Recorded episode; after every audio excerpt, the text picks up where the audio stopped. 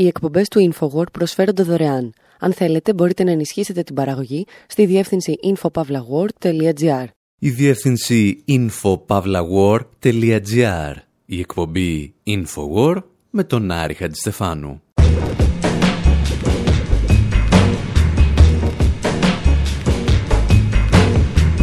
Όπου σήμερα σας πηγαίνουμε βόλτα στην αλυσίδα εστιατορίων Hooters, παρέα με τον κολοσσό της φαρμακοβιομηχανίας, Novartis. Ξεφυλλίζουμε τις σελίδες του βιβλίου «Ο επίμονος Κηπουρός» και βρίσκουμε πολιτικούς που δωροδοκούνταν από φαρμακοβιομηχανίες, αλλά και μάρτυρες που βρίσκονταν άγρια δολοφονημένοι. Υποψιαζόμαστε ότι ο Τζον Λε Καρέ μας κοροϊδεύει εδώ και μισό αιώνα, προσποιούμενος τον πράκτορα, ενώ στην πραγματικότητα ήταν πάντα δημοσιογράφος. Ακούμε ψυχεδελικές ιστορίες για LSD και ανάμεσα στα πολλά χρώματα συναντάμε και πάλι την Νοβάρτης.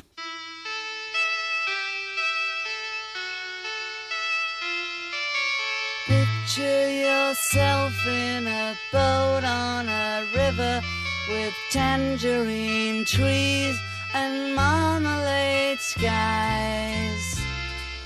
Somebody calls you, you answer quite slowly. A girl with kaleidoscope eyes.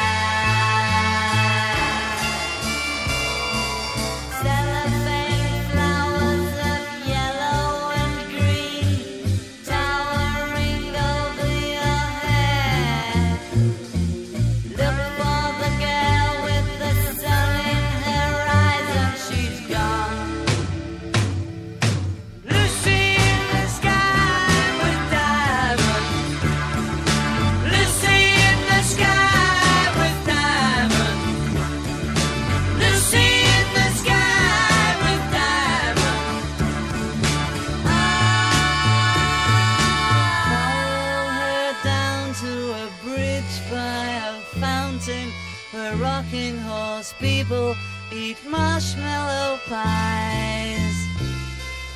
Everyone smiles as you drift past the flowers that grow so incredibly high.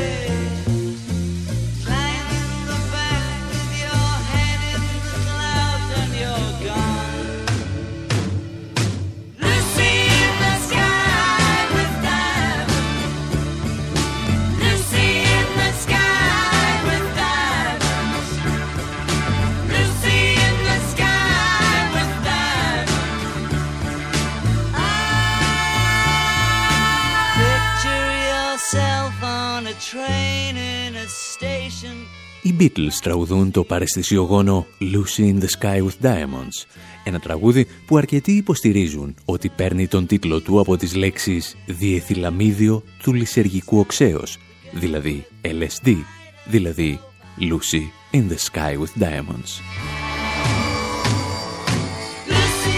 Οι Beatles βέβαια διέψευδαν για δεκαετίες τη σχετική φήμη, αλλά εσείς ποιους θα πιστέψετε, τους Beatles ή εμάς; Ο λόγος βέβαια για τον οποίο θυμηθήκαμε το LSD είναι γιατί το ανακάλυψε και το παρασκεύασε πρώτη η εταιρεία Sandoz, η οποία αφού ενώθηκε με την Σίμπα Κέγγι μετονομάστηκε σε Νοβάρτης. Και από τότε όσοι φέρονται να λαδώνονταν από την Νοβάρτης υποστηρίζουν ότι ζουν ένα ψέμα, μια παρέστηση. Παρασκευή του LSD βέβαια είναι ίσως η πιο αθώα στιγμή στην ιστορία της σημερινής Νοβάρτης, γιατί όπως θα δούμε υπάρχουν πολύ πιο σκοτεινές ιστορίες να διηγηθεί κανείς για την εταιρεία που σήμερα απασχολεί και την ελληνική δικαιοσύνη. Και θα πιάσουμε την ιστορία μας από το πολύ μακρινό 2001. Το 2001 λοιπόν το γραφείο τύπου της Νοβάρτης στην Βασιλεία της Ελβετίας δέχθηκε σειρά επίμονων ερωτημάτων από δημοσιογράφους. Ζητούσαν να μάθουν πώς τους φάνηκε το τελευταίο τότε βιβλίο του Τζον Λε Καρέ με τίτλο «Ο επίμονος Κηπουρός». Το βιβλίο περιέγραφε τα εγκλήματα μιας φανταστικής φαρμακοβιομηχανίας, η οποία, όπως και η Νοβάρτης, είχε τα κεντρικά γραφεία της στην Βασιλεία.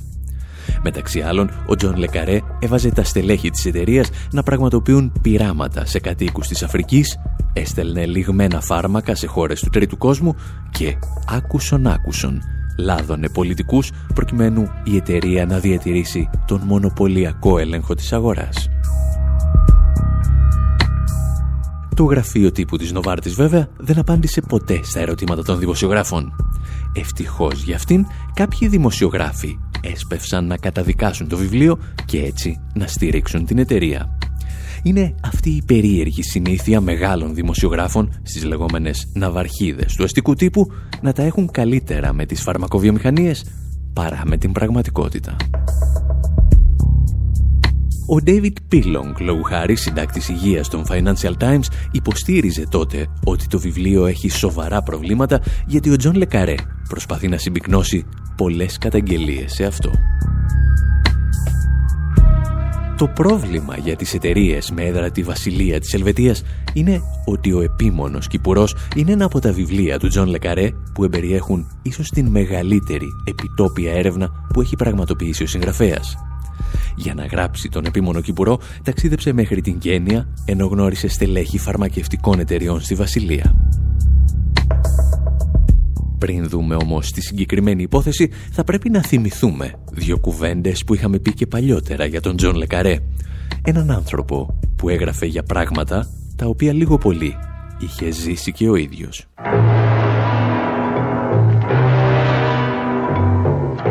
The book the world could not lay down now stands with the great motion pictures of all time. John Le Carre's magnificent best-selling novel, The Spy Who Came In From the Cold.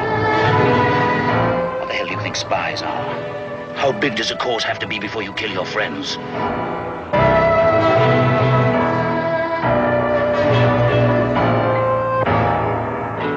Spy Who Came In From the Cold. The real, no-holds-barred inside story of espionage. Το ημερολόγιο γράφει 1965, πρώτη προβολή της ταινίας «Ο κατάσκοπος που γύρισε από το κρύο», από το ομώνυμο βιβλίο του Τζον Λε Καρέ, ενός κυρίου σχεδόν 80 ετών. Ο Τζον Λε Καρέ, γνωστός στο μητρώο αρρένων της περιοχής του ως David Cornwell, δεν ήταν αυτό που λέμε ένα φυσιολογικό παιδί. Για την ακρίβεια, δήλωνε παιδί αγνώστου μητρός, γιατί η μαμά του τον εγκατέλειψε όταν ήταν πέντε χρονών και τον ξαναζήτησε όταν είχε γίνει ολόκληρο γαϊδούρι, δηλαδή κοντά στα 20. Και όταν λέμε γαϊδούρι, δεν αναφερόμαστε στο σωματικό του μέγεθος ή την ηλικία του, αλλά στον χαρακτήρα του.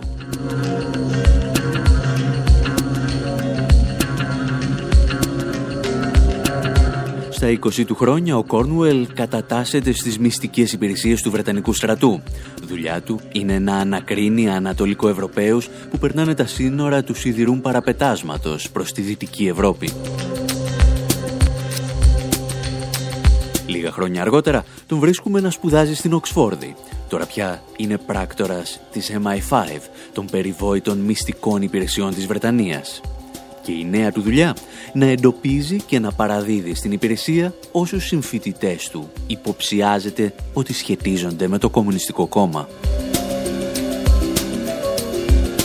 Έχει γίνει δηλαδή ήδη ένας μικρός ροφιάνος.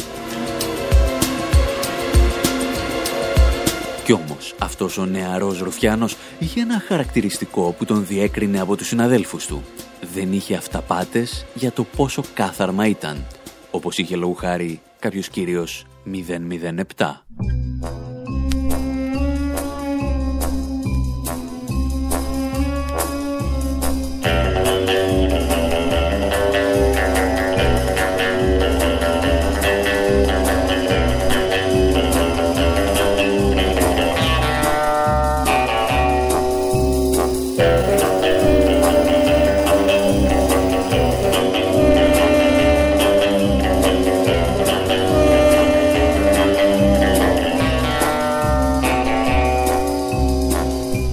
Ian Fleming, ο κατάσκοπος που δημιούργησε τον James Bond, από που και το μουσικό θέμα που ακούμε, δημιούργησε μια εντελώς διαφορετική εικόνα για τον ήρωά του.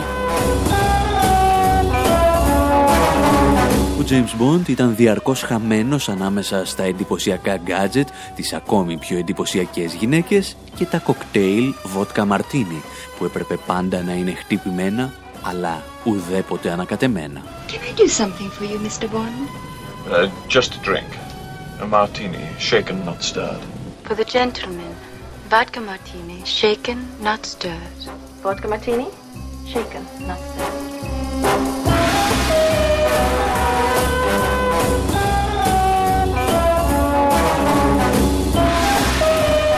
Ο Τζον Λεκαρέ από την πλευρά του δεν είχε τέτοια προβλήματα. Δημιούργησε το πρότυπο ενός πράκτορα με όλη την κακή σημασία της λέξης. Τα εξηγούσαν άλλωστε και οι ίδιοι οι ήρωές του. Όπως εδώ, ο Ρίτσαρντ Μπάρτον από την ταινία «Ο κατάσκοπος που γύρισε από το κρύο». What the hell do you think spies are? Moral philosophers measuring everything they do against the word of God or Karl Marx. Τι στο διάολο νομίζω ότι είναι κατάσκοποι. Τίποτα ηθικολόγοι, φιλόσοφοι που ακολουθούν το λόγο του Θεού ή του Κάρλ Μάρξ. Δεν είναι τίποτα από αυτά. Είναι ένα μάτσο δημόσιοι υπάλληλοι που παίζουν τους καουμπόιδε για να ρίξουν λίγο φως στη μίζωρη ζωούλα τους. Νομίζω ότι κάθεται σαν τους μοναχούς να σκέφτεται τι είναι σωστό και τι λάθος. Χτες δεν τον είχα σκοτώσει τον Μαντ γιατί πίστευε ότι είναι κακός και εχθρός. Σήμερα όμως πιστεύω ότι είναι κακός και φίλος μου. Το Λονδίνο το χρειάζεται. Today he's evil and my friend. London needs him. Και σε αυτή την παρατήρηση του Ρίτσαρτ Μπάρτον βρίσκεται και η ουσία του ζητήματος, που θα μπορούσε να συνοψιστεί και στην φράση «Όλοι οι πράκτορες την ίδια μούρη έχουν».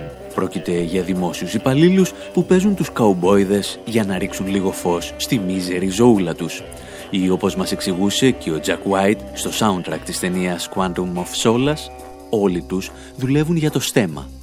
Συγκεκριμένα, ο κύριος 007, αλλά και οι ήρωες του Τζον Λε Καρέ δούλευαν για τη Βασίλισσα. Εμείς ακούμε ο λίγον από Jack White και επιστρέφουμε.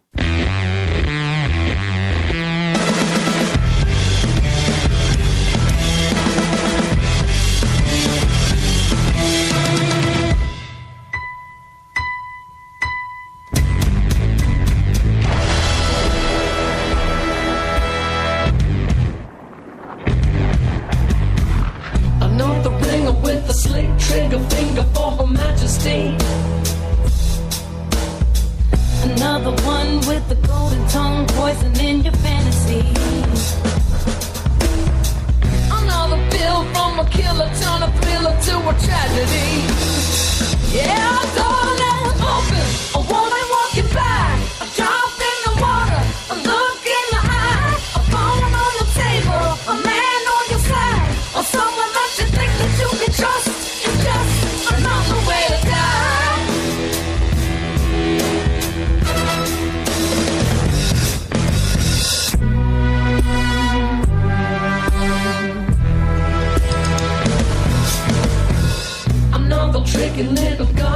in silence to the one that'll never see the sunshine. Another inch of your life sacrificed for your brother in the nick of time. Another dirty money heaven sent, honey, turning on a dime. Well, I know I left open, a woman walking by, a drop in the water, a look in the eye, a pawn on the table, a man on your side, or someone that you think that you can trust.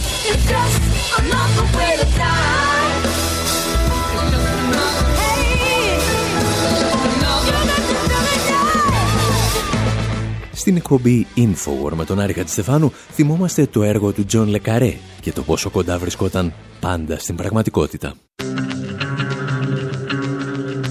Από το 1989, μαζί με το τέλος του ψυχρού πολέμου, ο Τζον Λε Καρέ θα αφήσει σταδιακά τα κατασκοπευτικά μυθιστορήματα και θα στραφεί στον κόσμο των τραπεζών και των πολυεθνικών. Η δουλειά του γίνεται όλο και περισσότερο δημοσιογραφική και αυτού του είδους η έρευνα θα φτάσει στο απόγειό της το 2001 με το βιβλίο του «Ο επίμονος Κηπουρός». Περιγράφει τη δράση μιας φαρμακοβιομηχανίας με έδρα τη Βασιλεία της Ελβετίας.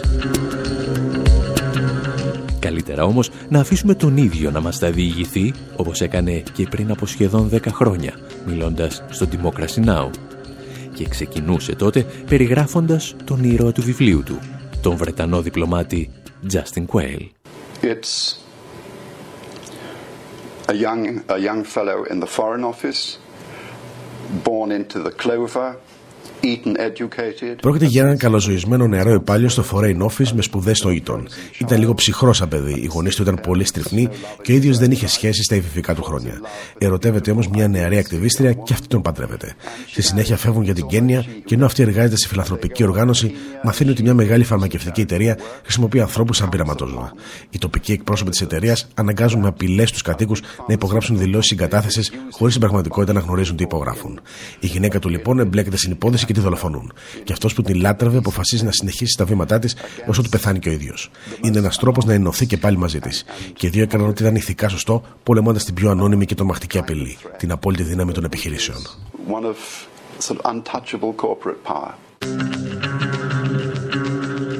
Και κάπου εδώ συνειδητοποιούμε πως ξεχάσαμε να σας προειδοποιήσουμε ότι ο Λεκαρέ προδίδει το τέλος του βιβλίου και της ταινίας. Κρίμα, συγγνώμη, προχωράμε. Για να γράψει τον επίμονο Κυπουρό, ο Λεκαρέ θα ταξιδέψει στη Βασιλεία της Ελβετίας, όπου έχουν την έδρα τους δύο από τις μεγαλύτερες πολυεθνικές φαρμάκων στον κόσμο, η Νοβάρτης και η Ρος. In the Constant Gardener particular, it was quite extraordinary to στον επίμονο Κυπουρό ήταν συναρπαστικό για μένα ότι πήγα στη Βασιλεία της Ελβετίας και αναμίθηκα με όλα τα νεαρά στελέχη των φαρμακευτικών εταιριών εν αγνία των εταιριών τους. Τους υποσχέθηκα ότι δεν θα αποκαλύψω ποτέ τα ονόματά τους και τους είδα να ξεχυλίζουν οργή για τη δουλειά που έκαναν και για αυτούς που τους έβαζαν να την κάνουν. Παρ' όλα αυτά έπαιρναν τα χρήματα και την έκαναν.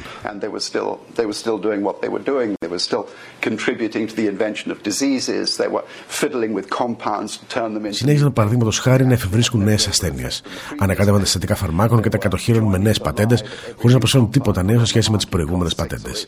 Έλεγαν και αυτοί το γνωστό ψέμα πως κάθε νέο σκεύασμα που κυκλοφορεί στην αγορά κοστίζει 600 με 800 εκατομμύρια δολάρια. Πρόκειται για την απόλυτη ανοησία αν σκεφτείς ότι τα σημαντικότερα φάρμακα που κυκλοφορούν δημιουργούνται σε εργαστήρια που χρηματοδοτούνται από το δημόσιο τομέα. Στη συνέχεια, με έναν περίεργο τρόπο, πολλούνται σε ιδιωτικά εργαστήρια τα οποία στις περισσότερες περιπτώσεις δεν κάνουν και καμιά σκληρή δουλειά.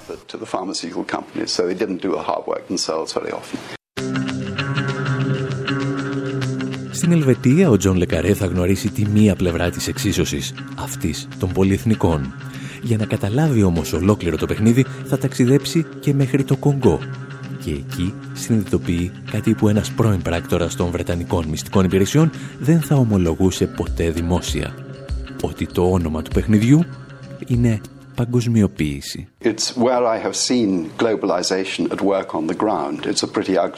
Στο Κονγκό κατάλαβα πώς ακριβώς λειτουργεί η παγκοσμιοποίηση. Και το θέαμα είναι πολύ άσχημο. Παγκοσμιοποίηση σημαίνει εκμετάλλευση της φθηνής εργασίας, οικολογική καταστροφή, δημιουργία τεράστιων μεγαλοπόλεων, καταστροφή της τοπικής κουλτούρας. Οι πολύ λίγοι πλουτίζουν πάνω στην καταστροφή των πολλών. Αν με ρωτήσετε τι σημαίνει για μένα η δύναμη των ιδιωτικών επιχειρήσεων, σημαίνει να θυσιάζει το ένσυχο της αξιοπρέπειας. Για λογαριασμό των επιχειρήσεων, οι άνθρωποι μπορούν να κάνουν σε ένα ολόκληρο πληθυσμό πράγματα που δεν θα τολμούσαν να κάνουν στο γειτονά τους. Όλη η ανθρώπινη αξιοπρέπεια εξαφανίζεται μόλις περάσουν τις πόρτες της επιχείρησης.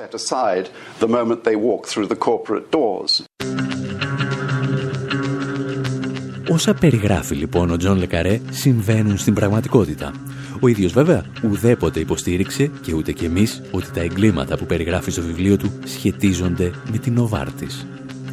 Εμείς όμως έχουμε στο μυαλό μας κάποια αληθινά περιστατικά από τη δράση της συγκεκριμένης εταιρείας και λέμε να τα μοιραστούμε μαζί σας στο δεύτερο μέρος της εκπομπής.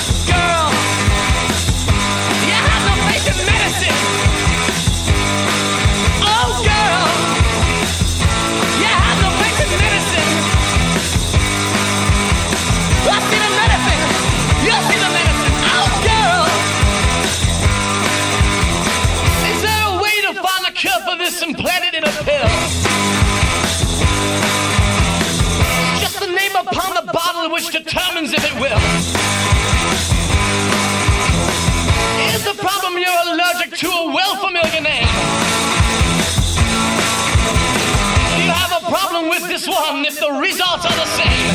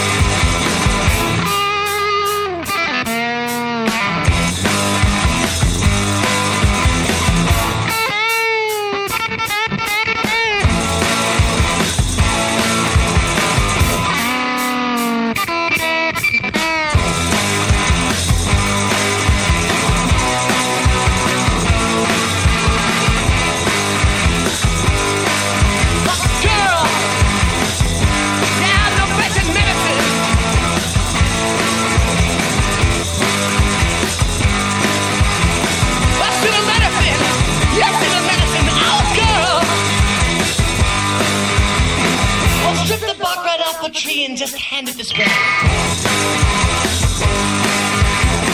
Don't even need a drink of water to make the headache go away. Give me a sugar pill and watch me just rattle down the street.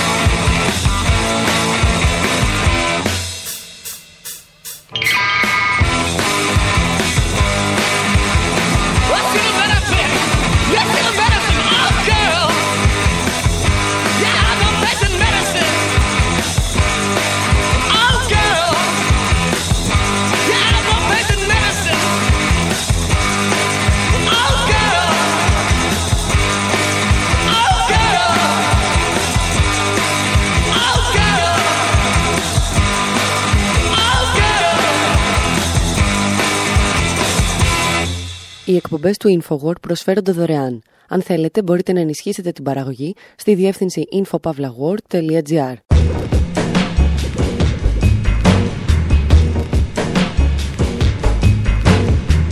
Εκπομπή Infowar, μέρος δεύτερο όπου αφού θυμηθήκαμε τις φανταστικές ιστορίες του Τζον Λε Καρέ για τις ελβετικές φαρμακοβιομηχανίες με έδρα τη Βασιλεία, σκεφτήκαμε να σας πούμε μερικές αληθινές ιστορίες για μια φαρμακευτική εταιρεία με έδρα τη Βασιλεία. Και το όνομα αυτής, Νοβάρτης. Σκεφτόμαστε πώς είναι να πηγαίνεις γιατρούς στα Hooters και τη δουλειά έχουν κάποιοι πρώην υπάλληλοι σου σε ομάδες που εξετάζουν τα φάρμακά σου. Όλα όμως πρέπει να ξεκινήσουν με αυτό που οι Αμερικανοί αποκαλούν Big Pharma, τις μεγάλες φαρμακοβιομηχανίες, για τις οποίες τραγουδά εδώ ο Z-Dog MD. Yo, Z-Dog MD, just chilling in the one deuce, baby, baby. I've been making videos for free and I'm broke, yo. I need to score me some cash money. Big Pharma's gonna pay me for this here jingle I wrote, and yo, my baby says I got to get paid. So Big Pharma, You got that check ready? Let's bump it. To all the patients in the place, I'm style, no grace. Allow me to place these pills and lotions up in your face. Cause I push drugs so my crew be getting paid. Sell you Viagra though you still ain't getting laid. Get played with ads. Ask your doc about infliximab. Direct to consumers, how we target boomers now. Got a tumor? Wow. And it just won't quit? Well, some of my chemo, baby, got to treat with. Complete with side effects you beat with more drugs. The sicker you get, the more we be living large. We charge a lot for claimants or for R&D. While we be in the hot tub bumping R&B. You see, we price gouging for the greater good. Stamping out gout and giving your grandpa wood. Understood, it's conspiracy, say anti-vax wackos. But haters gonna hate, yo, save it for big tobacco. I love it when you call me Big Pharma. Throw your pills in the air if you got Medicare. I love it when you all the drug reps getting money, playing doctors like dummies. Uh. I love it when you call me Big Pharma. I got a patent up and place generics out of my face, yo. So check out my pipeline tonight, cause it's straight gonna pay me. Ο ZDoggMD διασκευάζει το περίφημο Big Poppa του Notorious B.I.G. και περιγράφει ορισμένα από τα καθημερινά εγκλήματα των μεγαλύτερων φαρμακοβιομηχανιών του πλανήτη. Μεταξύ άλλων αναφέρεται στην αύξηση των τιμών των φαρμάκων με πρόσχημα το κόστος έρευνας και ανάπτυξης. Ένα κόστος που όπως εξηγούσε ο Τζον Λε Καρέ συνήθως επιβαρύνει το δημόσιο και όχι τον ιδιωτικό τομέα. Ο τραγουδιστής μας όμως επιτίθεται, αν ακούσατε, και στους ψεκασμένους του αντιεμβολιαστικού κινήματος. Για να μην παρεξηγηθούμε, ψεκασμένους τους αποκαλεί ο ίδιος. Γιατί εμείς τους θεωρούσαμε ψεκασμένους εδώ και πάρα πολλά χρόνια. Εμείς πάλι σήμερα εστιάζουμε σε ιστορίες για την αγαπημένη μας Νοβάρτης. Και ποτέ, αλλά ποτέ δεν θα ξεχάσουμε αυτό που προσπαθούσε να κάνει για χρόνια στην Ινδία. Η Ινδία μαζί με τη Βραζιλία είχαν πραγματοποιήσει τα μεγαλύτερα βήματα στην παρασκευή φθηνών γενώσιμων φαρμάκων για το AIDS και τον καρκίνο. Παραβίαζαν όμως τα ιερά και τα όσια του ελεύθερου εμπορίου και είχε έρθει η στιγμή να τιμωρηθούν από φαρμακοβιομηχανίες όπως η Νοβάρτης. Στα τέλη της δεκαετίας του 90 η Νοβάρτης ενεπλάγει σε μία από τις μεγαλύτερες δικαστικές διαμάχες της ιστορίας απέναντι στην Ινδία για τα δικαιώματα παρασκευής του φαρμάκου Gleevec για τον καρκίνο. Στόχος της εταιρείας ήταν να μπορεί να πουλά το φάρμακο προς 2.650 δολάρια το μήνα, αντί για 177 δολάρια που κοστολογούνταν το γενώσιμο. Και όπως ήταν φυσικό, αυτοί που έβλεπαν τους ανθρώπους τους να πεθαίνουν γιατί δεν μπορούσαν να πάρουν ένα φάρμακο που θα έπρεπε να διατίθεται σε ιδιαίτερα χαμηλή τιμή, εξοργίστηκαν. Συγκεντρώσεις διαμαρτυρίας πραγματοποιήθηκαν στην Ουάσιγκτον και το νέο Δελχή εναντίον του φαρμακευτικού κολοσσού Νοβάρτης. Η εταιρεία επιχειρεί με μηνύσεις να ανατρέψει την νομοθεσία στην Ινδία που αφορά τις πατέντες.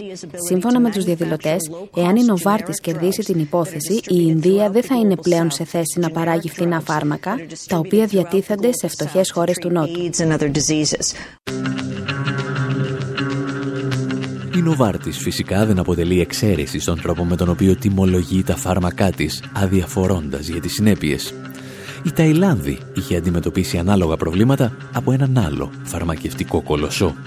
Ήταν μία από τις χώρες που πριν από μερικά χρόνια γνώρισαν τι σημαίνει να μην έχεις λεφτά, να σώσεις τη ζωή σου και την αξιοπρέπειά σου. Abbott manufactures several leading AIDS drugs but has been embroiled in controversy over its actions in Thailand. Η εταιρεία Abbott, η οποία παρασκευάζει ορισμένα από τα σημαντικότερα φάρμακα για το AIDS, δέχεται κριτική για τη δράση της στην Ταϊλάνδη. Πριν από μερικούς μήνες, η κυβέρνηση της χώρας ανακοίνωσε ότι θα αρχίσει να εισάγει να παρασκευάζει φθηνά υποκατάστατα των φαρμάκων της Abbott. Βάσει του διεθνούς εμπορικού δικαίου, μια χώρα μπορεί να εκδίδει τις λεγόμενες υποχρεωτικές άδειες για την εισαγωγή ή την παρασκευή τέτοιων φαρμάκων. Και μπορεί να το κάνει χωρίς την άδεια της παρασκευάς της εταιρείας, αν κρίνει ότι έτσι προστατεύει την υγεία των πολιτών της. Deems it necessary to protect the health and welfare of its citizens. Abbott responded in a way that shocked many AIDS activists. The company Η εταιρεία Abbott όμως απάντησε με τρόπο που προκάλεσε σοκ. Ανακοίνωσε ότι θα σταματήσει να αποστέλει στην Ταϊλάνδη 7 νέα φάρμακα για το AIDS και άλλες ασθένειες. Ακτιβιστές από όλο τον κόσμο καταγγέλουν ότι για πρώτη φορά στην ιστορία μια φαρμακοβιομηχανία σταματά την παράδοση φαρμάκων σε μια χώρα λόγω μιας εμπορικής διαφωνίας.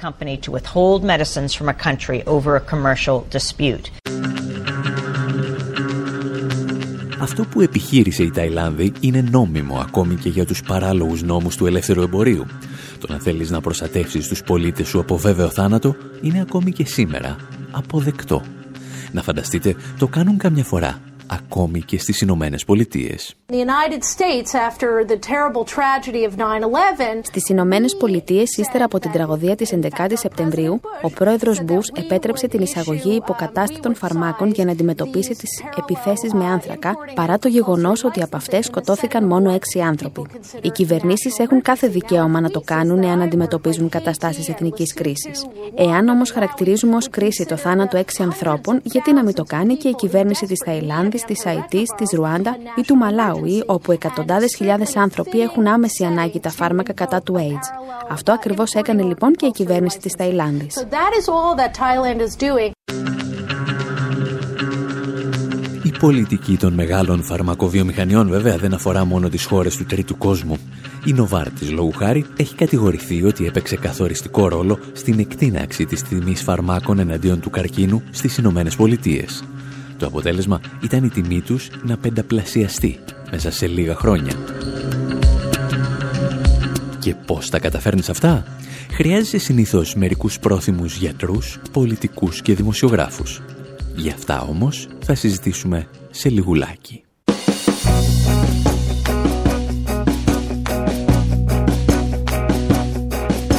Drunken angels, black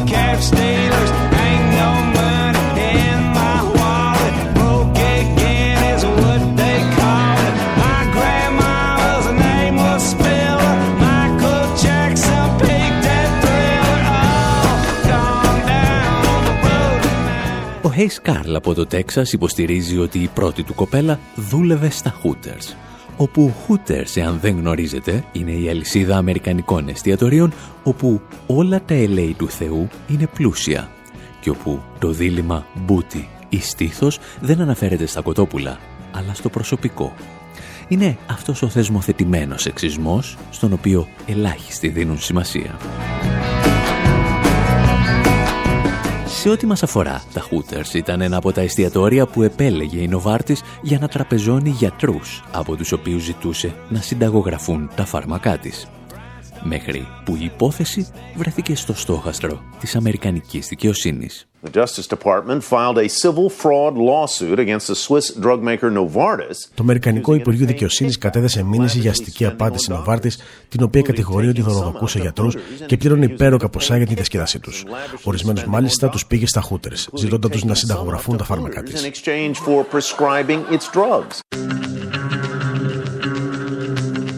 Όπως εύκολα μπορείτε να φανταστείτε, η υπόθεση δεν θα μπορούσε να ξεφύγει από το ραντάρ της σατυρικής εκπομπής Last Week Tonight. Κατά την άποψή μας, μια εκπομπή πολύ πιο σοβαρή από τα περισσότερα ελληνόφωνα δελτία ειδήσεων. But at least Hooters qualifies as a modest meal. Τουλάχιστον η τιμή ενός γεύματος στα Hooters είναι λογική. Σύμφωνα με καταγγελίες, οι Νοβάρτες πλήρωνε γιατρούς να μιλάνε και σε εστιατόρια όπως το L2O στο Σικάγο. Ένας κριτικός έγραψε κάποτε: Ο λογαριασμός θα φέρει δάκρυα στα μάτια σας, εκτός φυσικά αν κάποιος άλλος πληρώνει για εσά. Σύμφωνα με τη μήνυση, κάποιοι γιατροί πληρώνονταν από την εταιρεία ακόμη και για ομιλίες που δεν έδιναν ποτέ.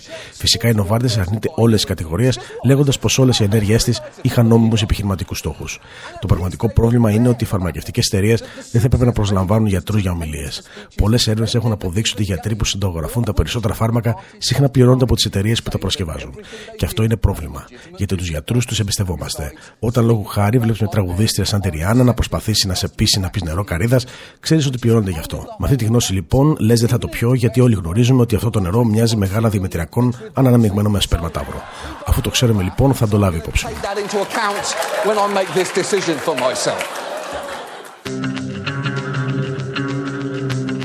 Η υπόθεση σταμάτησε να είναι ξεκαρδιστική όταν διαπιστώθηκε ότι η Νοβάρτης ακολουθούσε μάλλον αντισυμβατικούς τρόπους για να προωθεί τα φάρμακά της σε όλες τις περιπτώσεις. Το 2010, λόγου χάρη, η εταιρεία έδωσε 422 εκατομμύρια δολάρια σε εξοδικαστικό συμβιβασμό όταν κατηγορήθηκε για δωροδοκίες με στόχο την προώθηση φαρμακευτικών προϊόντων της. Από την υπόθεση επιβαρύνθηκε το αμερικανικό δημόσιο κατά σχεδόν μισό δισεκατομμύριο δολάρια.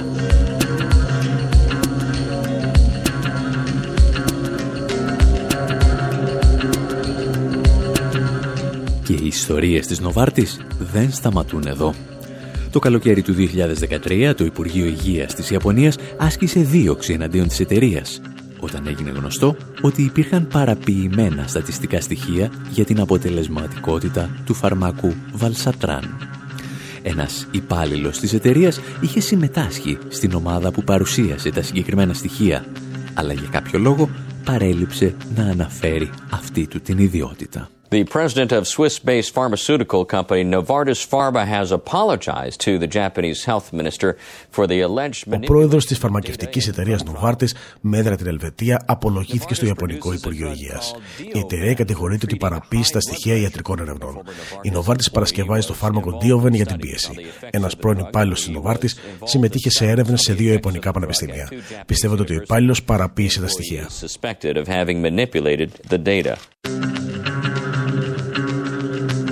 Είναι λοιπόν η Νοβάρτης ο απόλυτος δαίμονας της παγκόσμιας φαρμακοβιομηχανίας; Σε καμία περίπτωση. Είναι απλώς μία ακόμη εταιρεία η οποία δεν κάνει τίποτα περισσότερο και τίποτα λιγότερο από ό,τι κάνουν οι ανταγωνιστές της σε όλο τον κόσμο. Περισσότερα γι' αυτό όμως εντός ολίγου.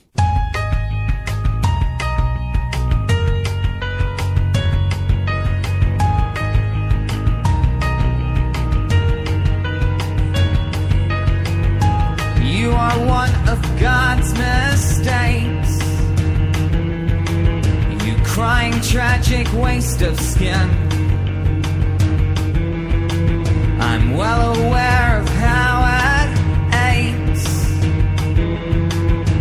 and you still won't let me in. Now I'm breaking down your door to try and save your swollen.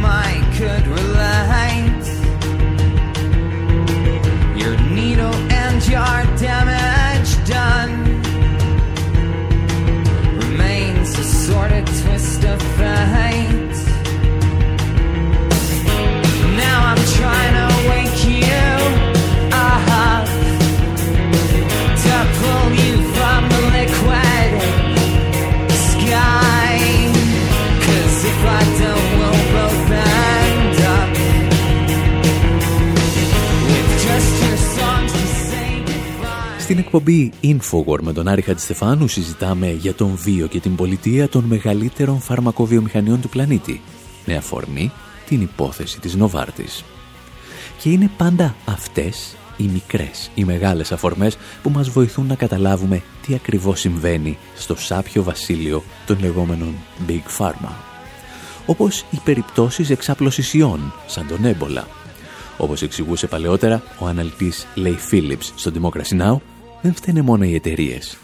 Φταίει το σύστημα. The argument is not that the, uh, the major pharmaceutical companies are somehow evil or malevolent. This is just the, the way that the free market works. Το πρόβλημα δεν είναι ότι οι μεγαλύτερες φαρμακευτικές εταιρείες είναι κακόβουλες. Έτσι λειτουργεί η ελεύθερη αγορά. Ο έμπολα δεν είναι μια κερδοφόρος ασθένεια, γιατί μόλις βρεθεί το φάρμακο θα εξαλειφθεί.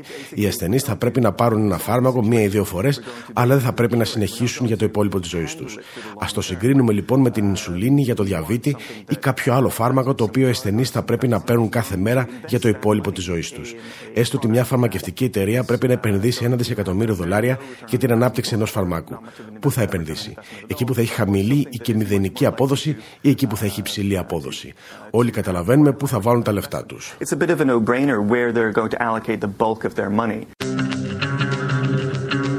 Τι μας είπε λοιπόν ο Λέι Φίλιπς ότι ο έμπολα δεν πουλάει και γι' αυτό οι δυνάμεις της ελεύθερης αγοράς δεν επέτρεψαν την παρασκευή φαρμάκων για την αντιμετώπιση του.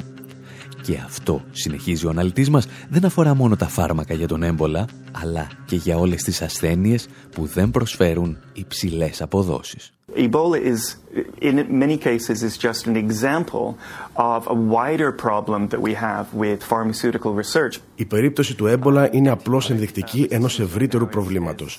Το ίδιο συμβαίνει και με τα αντιβιωτικά. Τις τελευταίες τρεις δεκαετίες, οι φαρμακευτικές εταιρείες αρνούνται να επενδύσουν σε έρευνες για την ανάπτυξη νέων αντιβιωτικών. Φτάνουμε όμως σε ένα σημείο που τα αντιβιωτικά που υπάρχουν σήμερα δεν καλύπτουν πλέον τις ανάγκες μας. Και έτσι υπολογίζεται ότι σε 5 έως 20 χρόνια θα δούμε σημαντικές αυξήσεις θανάτου από βακτηριακές λοιμώξεις. Σε 20 χρόνια λοιπόν, αγαπημένοι μας ακροατές, που ίσως εσείς να πεθάνετε από μια ασθένεια που θα μπορούσατε να αντιμετωπίσετε με κάποιο αντιβιωτικό, να θυμάστε ότι δεν σας φταίνε μόνο οι εταιρείες φαρμάκων, ούτε κάποιος υπουργός υγείας. Σας έφταιγε το ίδιο το σύστημα παραγωγής, στο οποίο δεχθήκατε να ζείτε όλη σας τη ζωή. It is simply too uh, dangerous uh, an issue for this to be left to the, uh, the vagaries of the, of, the, of, of, of the profit motive within the market. Το ζήτημα είναι πολύ επικίνδυνο για να το αφήσουμε στις διοτροπίες των δυνάμεων της αγοράς.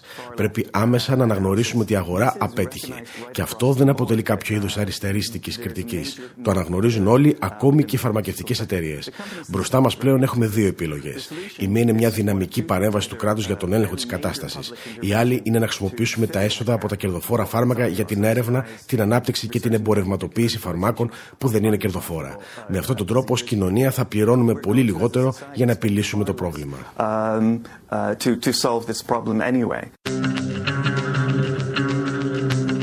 Κάπου εδώ όμως εμείς λέμε να σας αφήσουμε και για αυτή την εβδομάδα. Να μας θυμάστε και να μας αγαπάτε και μέσα από τη σελίδα μας info.pavlawar.gr όπως κάνουμε δηλαδή και εμείς. Μέχρι την επόμενη εβδομάδα, από τον Άρη Στεφάνου στο μικρόφωνο και τον Δημήτρη Σταθόπουλο στην τεχνική επιμέλεια, γεια σας και χαρά σας.